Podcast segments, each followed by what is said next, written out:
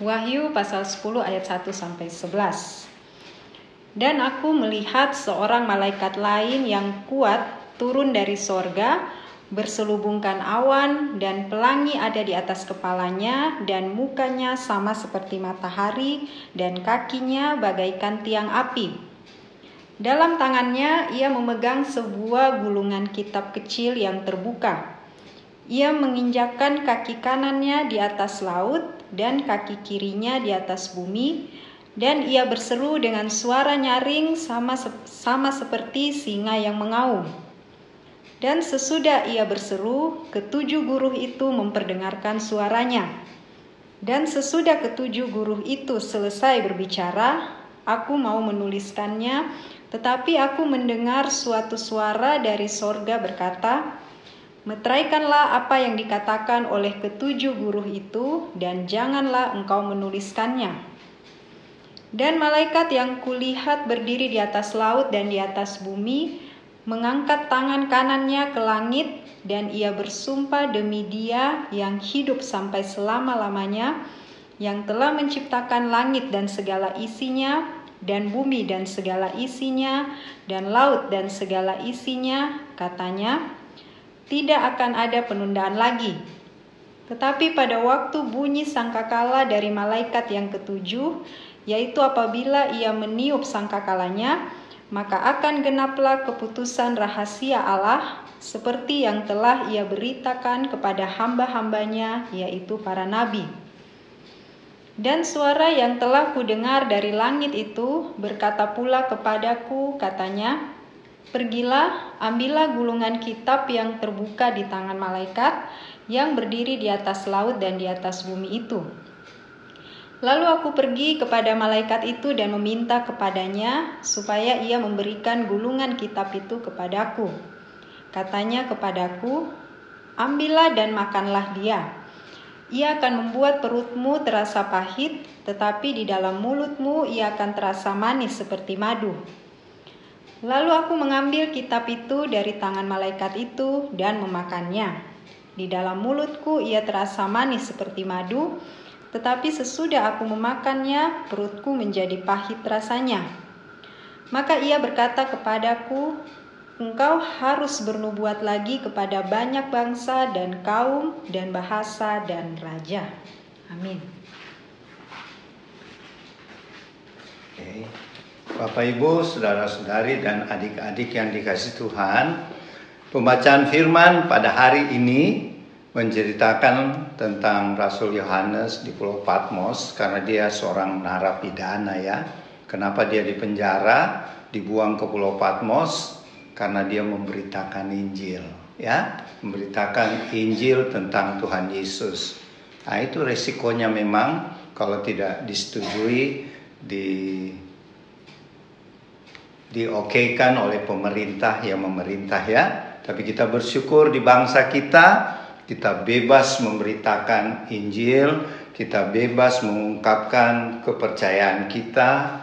Untuk itu kita harus bersyukur dan mendoakan pemerintah kita ya yang dipimpin oleh Bapak Presiden Joko Widodo dan semua pejabat-pejabat.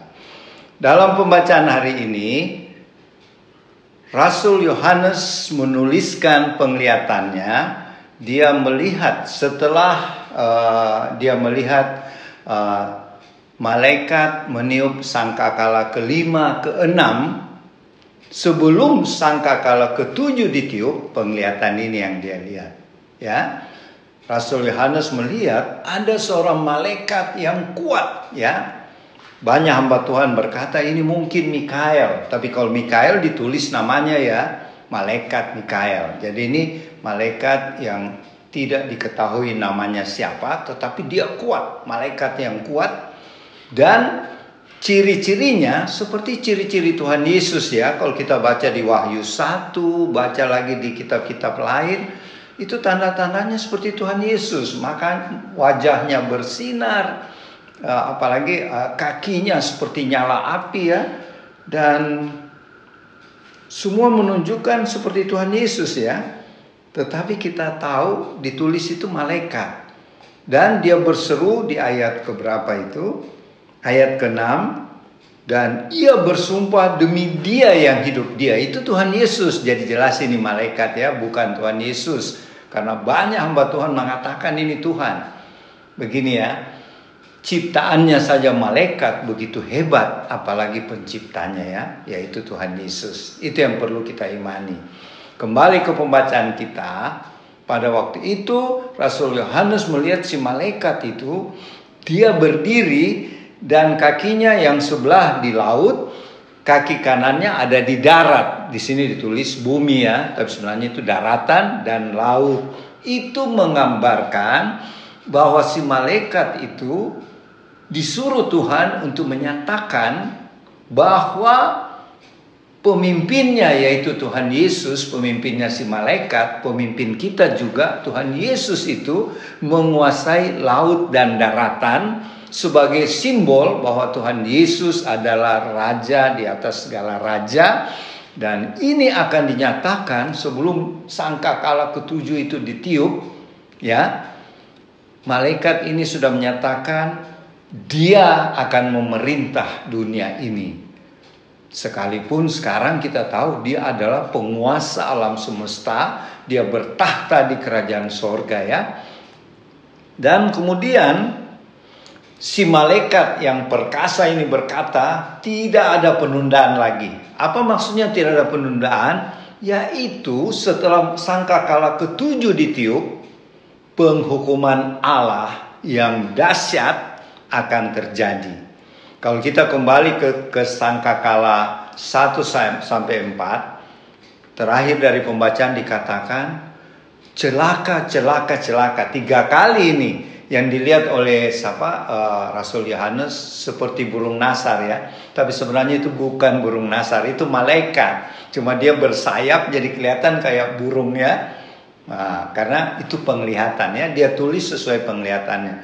Si burung nasar itu ngomong. jadi burung nasar katanya ngomong, tapi itu bukan burung nasar. Burung nasar itu burung pemakan bangkai ya, seperti elang, raja wali itu gagak, tapi ini disebut vultura. Vultura itu uh, burung pemakan bangkai, burung nasar ya. Dia berseru-seru celaka, celaka, celaka tiga kali. Berikutnya celaka, tiga celaka akan terjadi. Apa itu celaka pertama yang terjadi? Yaitu ketika sangkakala keenam ditiup, belalang-belalang.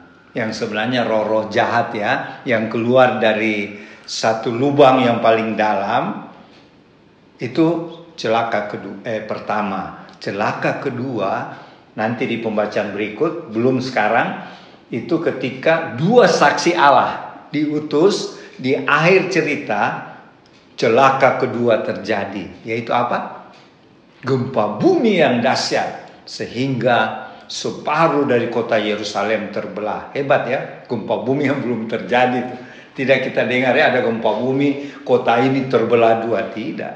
Nanti itu akan dahsyat ya. Itu celaka kedua yang si burung nasar katakan itu malaikat ya. Celaka yang ketiga ialah sebelum Tuhan Yesus datang ke dunia di peristiwa tujuh cawan murka Allah. Ah itulah celaka ketiga paling dahsyat. Sebab ketika sangka kala ketujuh ditiup, di situ dinyatakan Tuhan memerintah dan dicurahkanlah tujuh cawan cawan murka Allah. Nah, itulah celaka ketiga. Itu dahsyat ya. Jadi uh, maknanya buat kita kalau mendengar pembacaan firman, pemberitaan firman tentang uh, kitab yang terbuka ini, kita harus hidup benar, hidup kudus, taat pada perintah firman Tuhan, hidup sebagai calon mempelai Tuhan Yesus yang tidak bercacat celah. Nah, kita kembali di pembacaan ini, si malaikat itu mau apa di tangan kanannya dia mau megang kitab yang kecil yang sudah terbuka. Apa isi kitab kecil terbuka itu adalah tentang peristiwa-peristiwa yang akan terjadi, yaitu seperti Tuhan akan memerintah ya seribu tahun, Tuhan akan memulihkan bumi ini, bumi yang sudah rusak karena dosa, Kemudian uh, Tuhan akan menciptakan langit dan bumi baru ya. Nah, itulah isi dari kitab kecil itu. Tetapi pada waktu malaikat itu menyatakan waktunya tidak bisa ditunda lagi di ayat berapa itu? Ayat 6 itu artinya cawan murka Allah akan dicurahkan, ditumpahkan. Tujuh cawan, waduh. Sudah tujuh sangkakala, tujuh meterai, terakhir tujuh, tujuh cawan. Ini menandakan Tuhan maha pengasih ya. Tuhan masih kasih kesempatan manusia bertobat. Kalau sudah tujuh cawan murka, sudah tidak ada lagi pengampunan. Jadi jangan kita selalu bilang, oh Tuhan baik, Tuhan tapi ada batasnya. Kalau sudah sampai peristiwa tujuh cawan murka Allah, tidak ada pengampunan lagi ya. Nah itu. Jadi kemudian di bagian terakhir pembacaan kita hari ini uh, ada suara tujuh guru. Kalau tujuh guru itu tujuh kan angka sempurna. Kalau tujuh guru berbunyi dan Yohanes mengerti itu tujuh guru berkata apa. Apa itu tujuh guru? Itu suaranya Allah Bapa. Allah Bapa berkata satu dua tiga empat. Tapi ketika Yohanes mau catat apa yang dikatakan oleh Allah Bapa, Tuhan bilang belum bisa. Meteraikan dulu. Kalau meteraikan artinya belum bisa di diumumkan di kitab Wahyu ini. Kapan? Nanti. Kapan nantinya? Di masa tiga setengah tahun, masa tujuh tahun kedua, masa antikris itu baru diumumkan. Ya, jadi Bapak Ibu, saudara-saudari, adik-adik, khususnya tim Warlot, Tuhan sudah membukakan rahasia akhir zaman sama kita. Begitu juga teman-teman Warlot di cabang Klaten ya, yang terus meminta Opa dengan Oma membeberkan rahasia kitab Wahyu. Perhatikan baik-baik tiap minggu kita bahas kitab Wahyu sampai pasal 22 nanti ya, sampai terakhir. Jadi di bagian akhir mulai dari ayat 9 eh ayat 8 suara dari langit itu dari surga suara Allah Bapa berkata pergilah ambillah kitab kecil itu yang dipegang si malaikat. Jadi malaikat ya bukan Tuhan Yesus yang pegang kalau yang Tuhan Yesus pegang di Wahyu pasal 5, kitab besar yang masih dimeteraikan ya. Tapi ini kitab kecil yang terbuka itu dipegang oleh si malaikat. Suara dari tujuh guru yaitu suara Allah Bapa berkata, Yohanes, pergi ambil itu kitab kecil itu, makanlah. Nah itu, apa artinya? Kalau idiom atau pengertian peribahasa orang Ibrani, orang Yahudi, kalau kita disuruh makan firman, itu artinya menerima pengetahuan dari Tuhan, menerima hikmat dari Tuhan. Dan pengetahuan itu ada di kitab kecil itu. Kitab kecil itu berisi tentang akhir zaman. Masa tujuh cawan murka. Masa Tuhan Yesus memerintah seribu tahun. Dan Tuhan Yesus mengadili, memisahkan kambing dan domba seperti kambing dan domba dan terakhir Tuhan menciptakan langit dan baru tempat tinggal kita ya selama-lamanya. Itulah isi kitab kecil ya. Itu disuruh makan oleh Rasul Yohanes. Artinya terimalah pengetahuan ini firman Tuhan ini. Kemudian dikatakan pada ayat 11 kamu harus bernubuat untuk banyak bangsa kaum, bahasa, dan raja. Artinya, setelah menerima penglihatan yang dia tulis dalam kitab Wahyu ini, ini harus diberitakan. Dan Rasul Yohanes sudah lakukan. Dia dia bukukan dalam satu kitab yang kita baca sekarang dan itu di selalu di apa diberitakan oleh hamba-hamba Tuhan seperti Opa malam ini. Jadi dia sudah melaksanakan tugasnya ya. Dia makan itu firman dan dia nubuatkan dan kita terima sekarang. Artinya buat kita warlot, mari kita teladani Rasul Yohanes. Ketika kita membaca firman, menerima firman seperti saat ini, kita harus beritakan juga kepada orang lain. Karena banyak juga orang Kristen, orang percaya belum tahu tentang akhir zaman. Kita perlu menjelaskan supaya ketika Tuhan Yesus datang kedua kali banyak yang mengalami pengangkatan. Itu artinya kita juga harus memakan firman itu. Kita harus menerima firman itu. Kita lakukan dulu baru kita beritakan kepada orang lain, ya. Itulah poin-poin pembacaan firman Tuhan hari ini. Semoga itu bisa kita amalkan ya dan itu akan memuliakan nama Tuhan, banyak jiwa yang akan dimenangkan buat Tuhan Yesus melalui kesaksian dan pelayanan kita Warlord Ministry. Demikianlah firman Tuhan. Nanti Oma Palar akan melengkapi apa yang Opa jelaskan ya. Tuhan Yesus memberkati.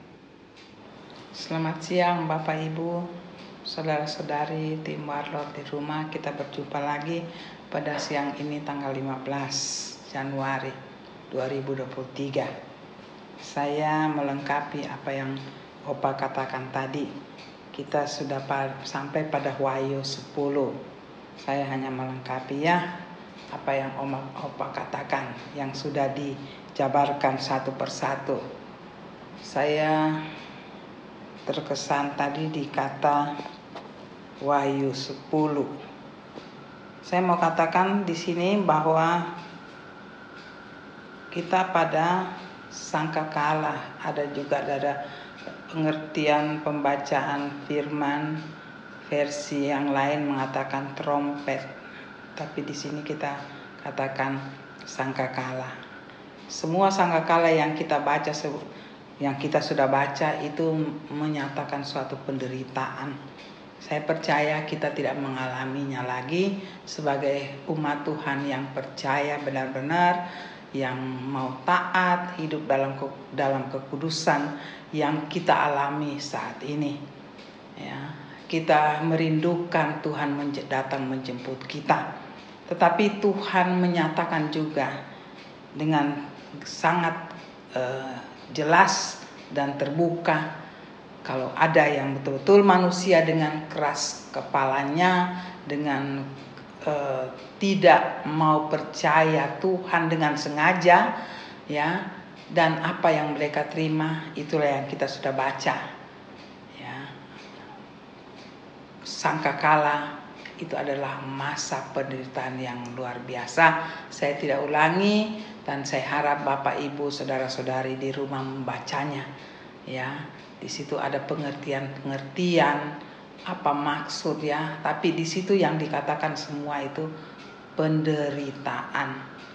Kita kalau merenungkan kita tidak mampu untuk hidup waktu itu tetapi kita saya kembali ke belakang kita sudah diberikan gambaran oleh Tuhan sebelum sangkakala itu ada. Ya, saya ulang lagi eh, meterai-meterai yang Tuhan sudah buka sendiri. Itu gambaran. Nah, sekarang kita pada Wahyu 10 itu di antara di dalam Wahyu 10 itu di antara yang mengalami kita baca ada sangkakala yang sudah Tuhan buka ya Tuhan nyatakan itu. Di situ juga ada Tuhan bekerja. Di sini seperti apa katakan yang dikatakan yang ditulis oleh uh, Rasul Yohanes apa yang terjadi saat-saat saat-saat itu ya Tuhan yang berotoritas dengan para malaikatnya Tuhan yang merencanakan, Tuhan yang menyuruh sampai uh, Rasul Yohanes pun melihat itu semua. Ada yang saya tekankan tadi bagaimana Tuhan menyuruh ada orang malaikat memegang uh, suatu kertas, satu lipatan uh, buku, ya gulungan kitab. Ya, di situ saya berbicara untuk kata itu gulungan kitab yang dikatakan oleh Tuhan ada firman hari ini makanlah yang man, manis waktu dimakan tapi sampai di perut sangat pahit rasanya. Ya bagaimana juga Tuhan melihat bahwa saat itu saya percaya ada orang-orang uh, percaya yang Tuhan izinkan untuk tinggal waktu itu ya karena di sini Tuhan mengatakan pada Rasul Yohanes di zaman itu ada orang-orang yang memang ditugaskan. Jadi Injil itu firman Tuhan itu kabar keselamatan itu berjalan terus tidak berhenti sampai di zaman yang paling masa yang paling susah pun ya sangkakala ber sangkakala dibunyikan pun itu masa yang paling sulit. Tetap juga ada firman Tuhan. Yohanes melihat malah Yohanes disuruh mengambil. Ya kalau kau makan dia menyatakan di sini makannya manis tetapi sampai di perut itu pahit. Saya coba merenungkan kata ini ya waktu kita mendengar firman. Kita bisa itu, kita bisa aplikasikan itu keadaan itu firman itu yang makannya manis tapi sampai di perut terasa pahit. Kita bisa juga kalau saya renungkan, kita bisa bawa dalam kehidupan kita uh, saat ini ya, generasi kita. Bukan saja waktu itu, waktu sangkakala sangkakala berbunyi, ada masa-masa yang kita akan baca selanjutnya. Ada dua saksi Allah dan terus bla bla. Akan kita tiba pada pembacaan itu. Tetapi di sini saya melihat bahwa Tuhan tetap dengan memperingatkan orang-orang ciptaannya. Walaupun kelihatan hari itu saat itu susah ya susah di atas susah. Saya tidak bisa membayangkan, tapi kalau kita baca bagaimana sangkakala berbunyi itu sangat sulit, ya. Di sini tidak ada kata lagi jemaat, tetapi semua yang dibuat dikatakan di sini penderitaan demi penderitaan, ya.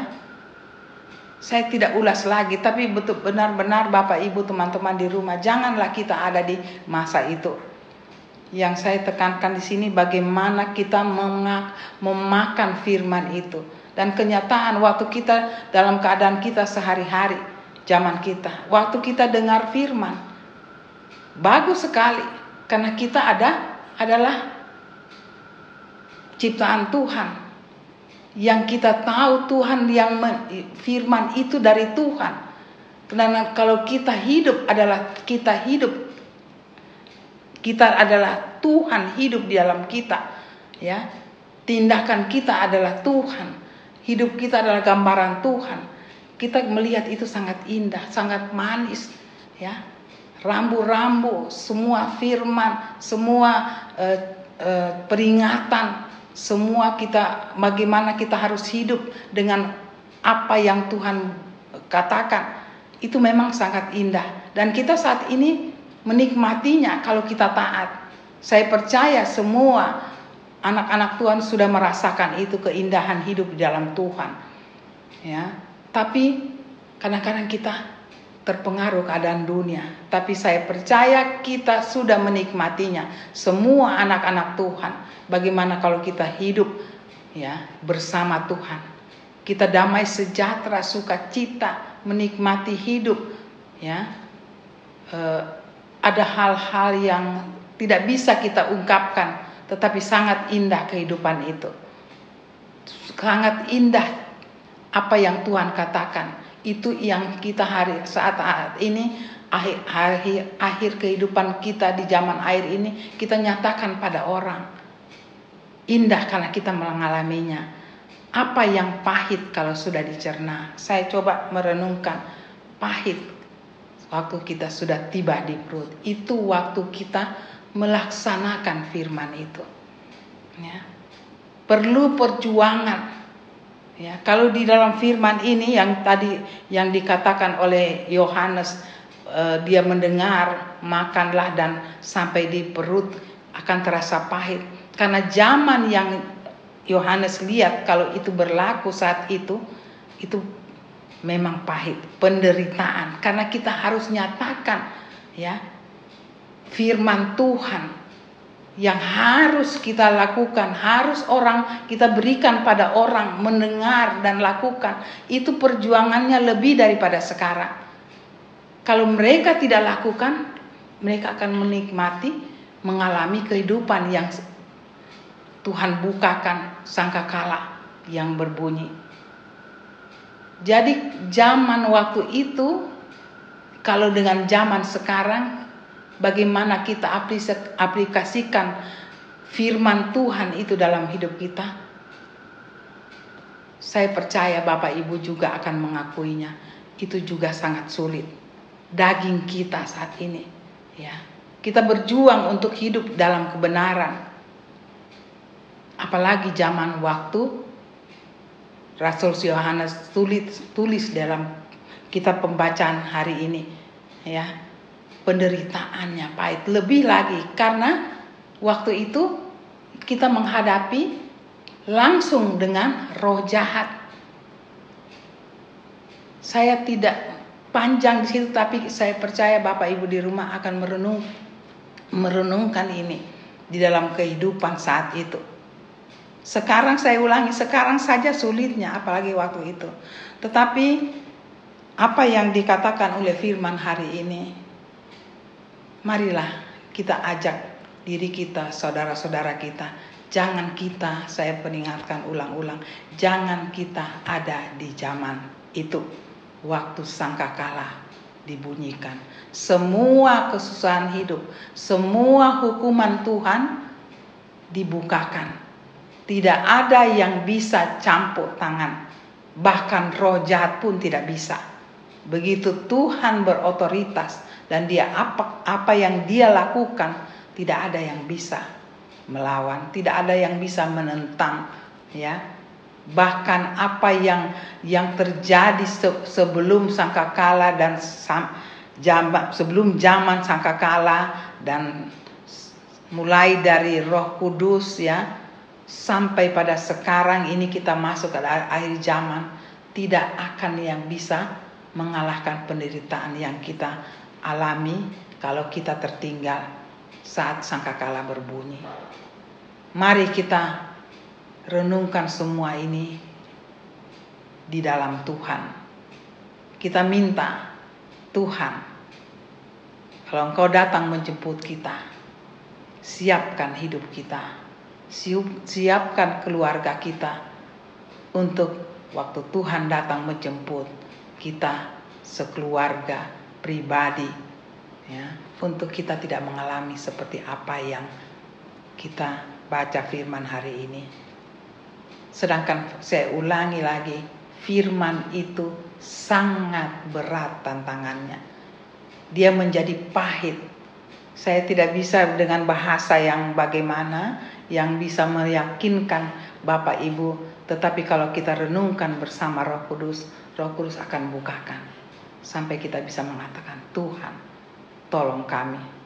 Saya renungkan bersama bersama Roh Kudus Jangan, sekali lagi saya peringatan selalu Bapak Ibu di rumah jangan kita alami ini. Tapi kita berterima kasih pada Tuhan. Tuhan membuka semua rahasia kehidupan kita sampai akhir zaman. Tidak ada satupun yang dia sembunyikan. Satu demi satu dia buka bagi anak-anaknya. Manusia kita sebagai ciptaannya tetap adalah pilihan Tuhan tidak memaksa kita. Tuhan menyuruh kita, meyakinkan kita, pilihlah aku. Tidak ada paksaan. Tetapi Tuhan katakan, aku tetap menyertai kamu sampai pada kesudahan alam. Tidak usah takut karena Tuhan semua sudah membuka. Tinggal kita mau pilih yang mana. Hanya itu yang saya tekankan, yang tadi Opa sudah katakan semua saya tidak ulangi. Tentu ada apa arti ini ini. Bapak Ibu tetap akan melengkapi sendiri di rumah berbicara minta Roh Kudus buka pemahaman itu lebih dalam dengan Tuhan Yesus melalui kuasa Roh Kudusnya. Karena tiap orang yang siapa merindukan Tuhan akan buka tanpa menyembunyikan. Asal kita rindu, Tuhan akan menyambut, meresponi apa yang kita rindukan. Kiranya hanya itu saja sangat singkat. Tuhan memberkati dan Roh Kudus juga akan memberikan pemahaman yang lebih lagi bagi Bapak Ibu saudara-saudari di rumah terutama tim Warlo. Mari kita tetap hidup dalam persekutuan dengan Tuhan, persekutuan anak-anak Tuhan yang dibimbing oleh Roh Kudus agar apa yang Dia pesankan apa yang dia sudah firmankan melalui firman hari ini Tuhan akan buka di dalam persekutuan kita sebagai anak Tuhan saling membantu saling mendorong hidup di dalam Tuhan dan maka hidup kita akan diberkati. Hidup keluarga kita, keluarga besar kita, bahkan bangsa kita yang menjadi tugas kita untuk menyatakan misi Tuhan bagi bangsa sendiri maupun di mana pun kita berada, bahkan dunia. Tuhan memberkati sampai kita bertemu lagi di minggu depan. Maranatha. Tuhan memberkati. Amin.